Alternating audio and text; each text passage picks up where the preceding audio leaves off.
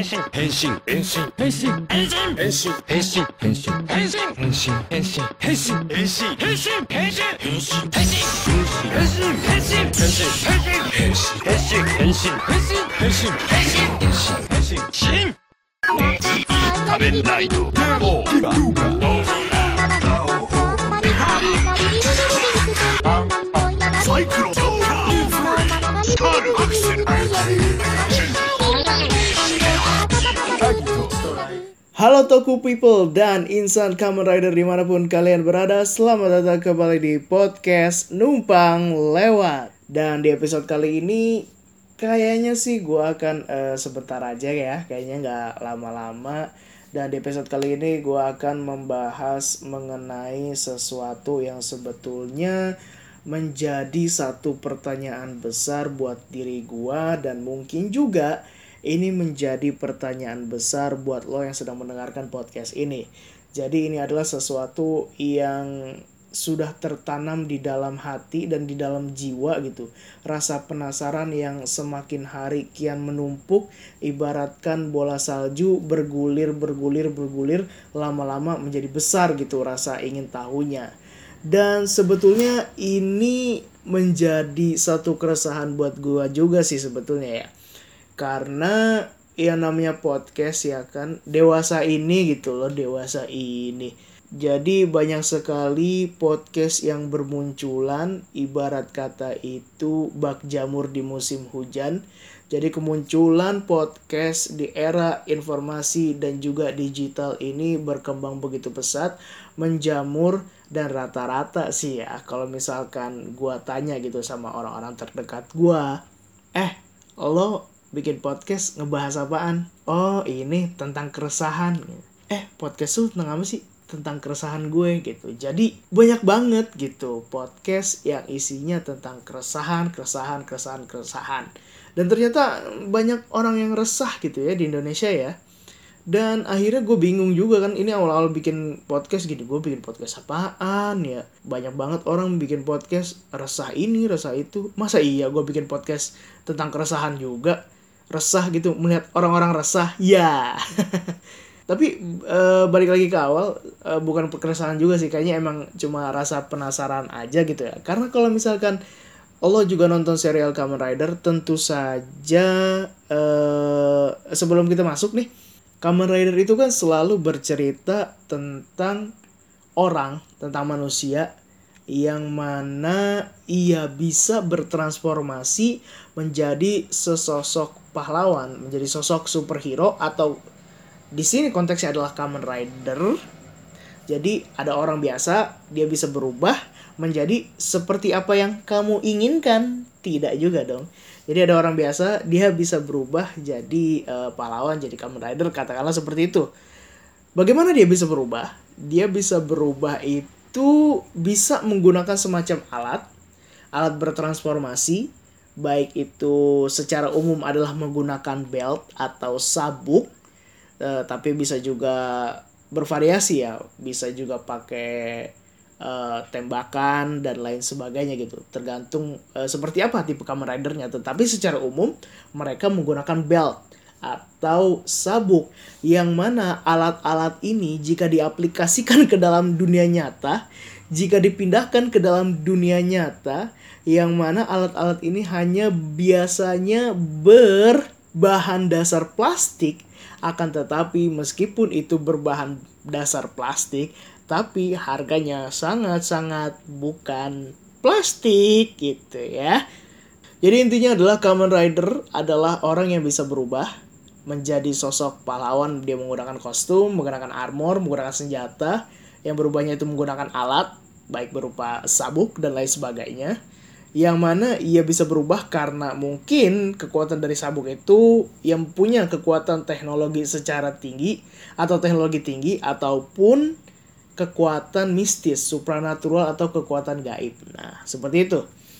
Dan selain alat-alat tadi, seseorang bisa berubah menjadi sosok Kamen Rider adalah karena satu hal yang mungkin lo juga sepakat kenapa orang bisa berubah jadi Kamen Rider adalah karena satu mantra yang sering kali diucapkan oleh orang-orang ini yang berubah menjadi Kamen Rider yang kalau misalkan uh, di di Indonesia kita taunya kalau misalkan ada orang berubah jadi katakanlah Satria Baja Hitam dia bilang apa? Dia bilang berubah.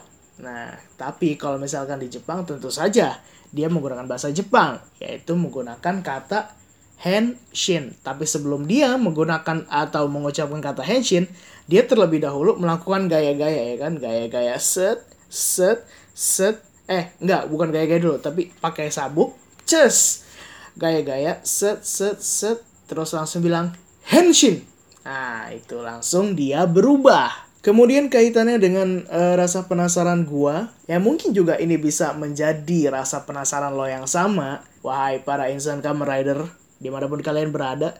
Tentu saja ketika lo menonton serial Kamen Rider, mulai dari Kamen Rider Kuga sampai Gio sampai Zero One atau mungkin lo juga yang menonton dari era Showa itu ketika si sosok atau si tokoh ini ingin berubah jadi Kamen Rider ketika dia bilang Henshin itu acap kali sering kali kita mendengarnya ini tuh Henshin ini tuh Henshin gitu. Jadi kayak ini tuh Henshin atau Henshin gitu kan. Karena sering kali lo pasti sering denger kan ini ketika dia sudah gaya-gaya terus berubah gitu. Henshin Henshin Henshin atau apalah itu gitu. Jadi gue ingin uh, tahu gitu ini sebetulnya dia ngomong Henshin atau dia ngomong Henshin. Akhirnya uh, eh, gue mencoba cari tahu gue mencoba cari tahu dan gue nanya sama teman gue ke teman gue SD kebetulan kalau nggak salah dia uh, eh, gue lupa sih dia lahir di Jepang atau uh, apa tapi yang gue tahu dia sering bolak-balik ke Jepang uh, bersama keluarganya dan dia juga tahu bahasa Jepang dan dia mengerti bahasa Jepang. Jadi informasinya ini adalah valid dan ini adalah A1 jadi gue nanya ke dia yang benar itu Henshin atau Henshin? Dan shout out buat teman gue namanya Hana ya yang udah ngasih tau gue thank you Hana. Jadi gini ketika gue nanya ke dia yang mana yang benar Henshin atau Henshin Sebetulnya dalam penulisan bahasa Jepang uh, itu dia menggunakan huruf hiragana yang mana berakhiran dengan huruf n. Jadi yang benar adalah henshin. Nah, yang jadi pertanyaan, kenapa kita sering mendengar uh, si tokoh siapa pun ini ketika dia berubah dia justru seolah-olah mengucapkan katanya itu kata henshin pakai m bukan pakai n sebetulnya ini hanya masalah pelafalan. Jadi kalau menurut menurut dia ini orang-orang Jepang di sana itu uh, lebih enak mengucapkan kata henshin itu dengan akhiran m. Karena kalau misalkan henshin itu menurut dia orang Jepang itu kayak kurang enak gitu loh diucapin ya karena ada huruf yang berulang di sini. N terus n lagi gitu. Jadi henshin jadi agak kurang enak aja sebetulnya. Dan lebih enak makanya henshim nah begitu. Jadi kalau misalkan kita di Indonesia ini kayak lebih uh, ada kata kata apa ya yang seperti ini. Kalau dia bilang itu cabe ya kan? Cabe. Kita ngomongnya ngomongnya cabe nih. Kita enak kan ngomong cabe. Tapi kan secara penulisan cabai. Nah gitu. Terus uh, ada lagi mungkin apa ya kalau gue kasih contoh itu seperti misalkan mangga. Mangga tulisannya kan mangga. Kadang-kadang kan kita suka kelepasan jadi mangga. Ada haknya gitu kan gitu. Iya gitu dan lain sebagainya. Jadi henshin atau henshin itu sebetulnya adalah henshin secara penulisan. Tapi secara pengucapan orang Jepang sana lebih enak mengucapkannya itu ya henshin jadi sebetulnya nggak masalah. Yang penting kan uh, dia bisa berubah ya kan? Ya, yang penting kita nonton dia dia berubah gitu. Apalagi kalau misalkan uh, sebetulnya tidak peduli apa itu henshin apakah itu henshin tidak peduli. Yang penting bisa berubah. Apalagi kita bisa berubah menjadi pribadi yang lebih baik. Jump! authorize Frog Rise! Torpedo Rise! Rising Hopper! A jump to the sky turns to a rider kick. Ya, balik lagi di segmen obrolan ngobrol habis nonton Kamen Rider Zero One kali ini langsung dua episode sekaligus ya karena biasanya seminggu sekali uh, gua ngebahas secara subjektif tentunya jadi kalau misalkan lo punya pandangan lain juga. Nggak masalah bisa kita diskusikan gitu ya. Jadi ini adalah sifatnya ini pandangan gue aja gitu. Gue nangkepnya seperti ini dan ya kalau lo punya tangkapan yang lain it's okay gitu. Yang penting jangan berkelahi jangan berantem semuanya sama dan semuanya bisa diomongin baik-baik ya nggak? Makanya kita perlu yang namanya ada uh, obrolannya gitu loh kalau biasanya obrolan ini di episode-episode sebelumnya uh, satu episode keluar langsung gue bahas, satu episode keluar gue bahas. Ini langsung aja karena memang uh, baru sempet gitu ya. Uh, jadi langsung aja di episode 6 dan 7. Episode 6 dan 7 Kamu Rider Zero One ini kalau misalkan diperhatikan ya gue sih sangat menikmati sejauh ini ya uh, Kamen Rider Zero One ini dan semakin ke sini itu kalau misalkan dibuatkan progres ya progres nih progres bukan progress gitu. Progresnya sih so far so good progresnya itu positif dan progresnya itu uh, meningkat gitu. Dan ketika gue menyaksikan episode 6 dan episode 7 ini gue lebih merasa uh, kalau gue sedang menonton serial drama atau drama Jepang pada umumnya gitu. Jadi ya gue kayak nonton drama gitu kayak bukan nonton Kamen Rider uh, drama yang uh, apa namanya dorama yang ceritanya memiliki makna gitu. Nggak cuma hanya menampilkan action action yang keren gitu. Dan juga di dua episode ini episode 6 dan episode 7 itu rasanya apa ya? Rasanya tuh kayak ini banget apa namanya? Ketika lo nonton itu berasa deep gitu. Punya makna yang uh, lebih punya makna yang sangat dalam dan bisa menyentuh emosi dan juga jiwa. Gila cakep gak tuh? Kayak misalkan di episode 6 episode 6 itu kan ceritanya uh, ada Hyuma Gear dia seorang seiyu, seorang pengisi suara untuk anim, dan dia punya manajer dan ternyata manajernya itu adalah uh, yang membuat si Hyumagir ini namanya Seiyen, Seiyen ya, Sein kiri, Sein kanan ya bukan. Jadi si manajernya ini bikin Hyumagir namanya Seiyen dan ternyata dia membuat Hyumagir itu persis dengan anaknya yang entah dia hilang ke mana, meninggal atau apa pun pokoknya hilang begitu saja ya. Jadi intinya ada orang yang membuat Gear uh, karena sebagai apa ya? Sebagai bentuk mengisi kekosongan gitu. Maksudnya gini, uh, dia punya anak, anaknya itu hilang, meninggal atau bagaimanapun. Pokoknya gitu deh. Dan ketika lo merasakan kehilangan sesuatu atau kehilangan seseorang itu pasti kan ya namanya hilang pasti ya ada yang hilang. Gimana sih? Maksudnya ada yang hilang ya udah nggak ada lagi gitu. Dan ketika lo kehilangan sesuatu, kehilangan seseorang, pasti lo merindukan momen-momen saat-saat di mana lo bisa bersama dengan orang tersebut. Nah makanya si bapak ini, si manajer atau si yang bikin Gear ini, yang bikin si Seiyen itu jadi teringat-ingat sama anaknya dan pada akhirnya membuat Gear yang benar-benar mirip dengan anaknya. Yang padahal uh, menurut Fua Isamu sebagai se, sebagai apa namanya? Sebagai orang EMS nih, orangnya EMS, orang karyawannya EMS gitu kan yang juga mengatur hukum tentang Gear bahwasanya menciptakan Gear yang sama persis dengan orang hidup itu nggak boleh gitu ya. Cuma kalau misalkan dipikir-pikir sebetulnya sih agak agak apa ya, agak creepy juga nggak sih ketika misalkan uh, seseorang gitu yang lo dekat tiba-tiba dia meninggal gitu terus lo menjadikan Gear ini kan meskipun bentukannya seperti manusia tapi pada dasarnya kan dia benda ya benda mati gitu.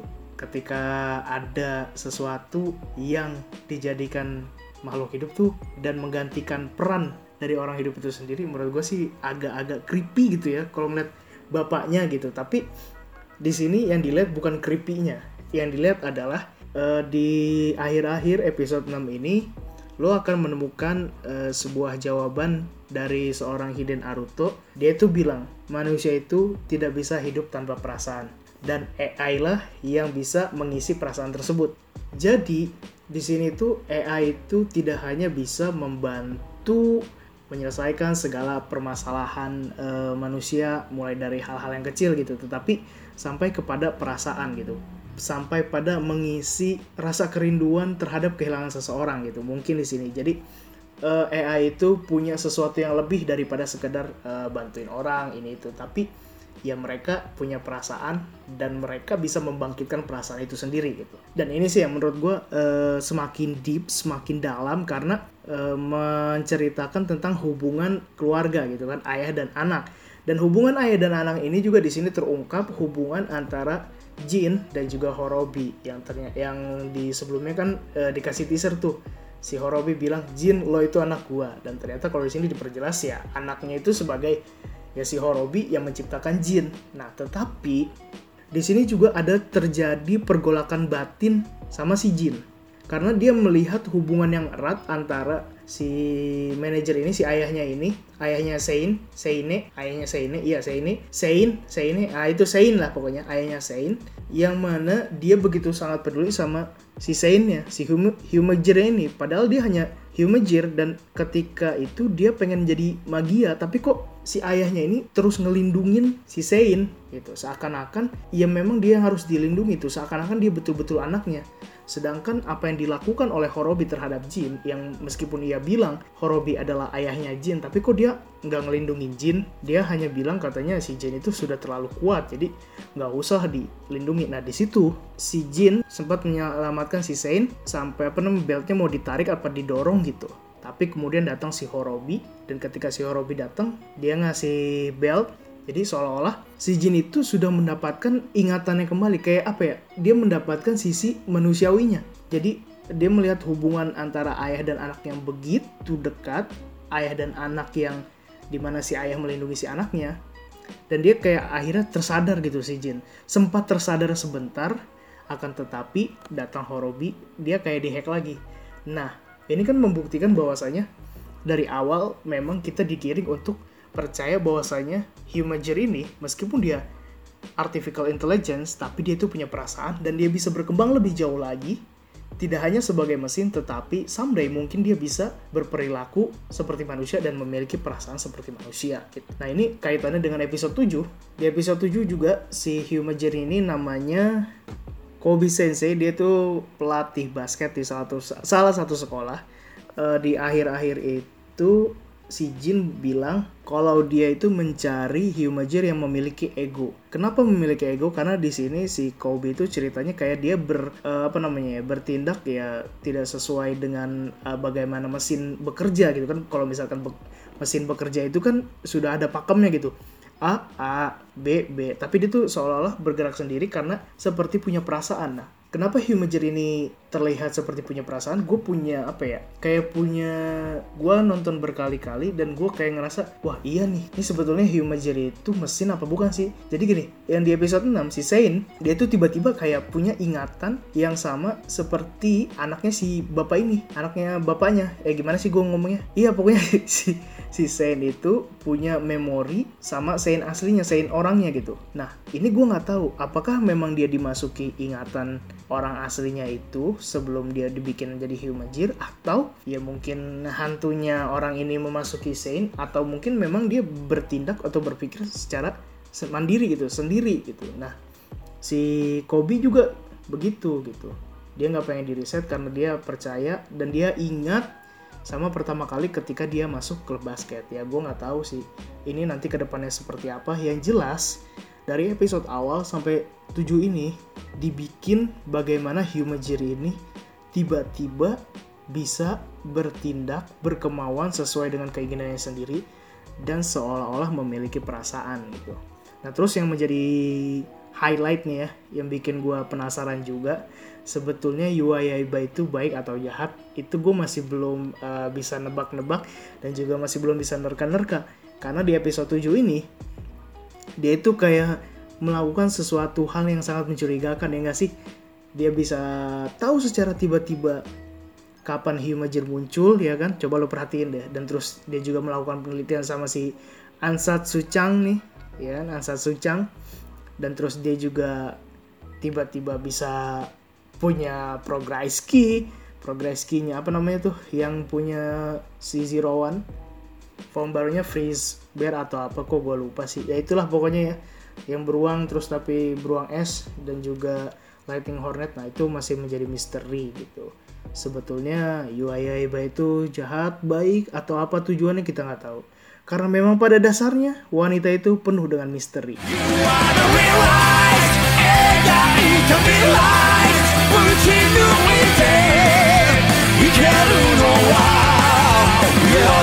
You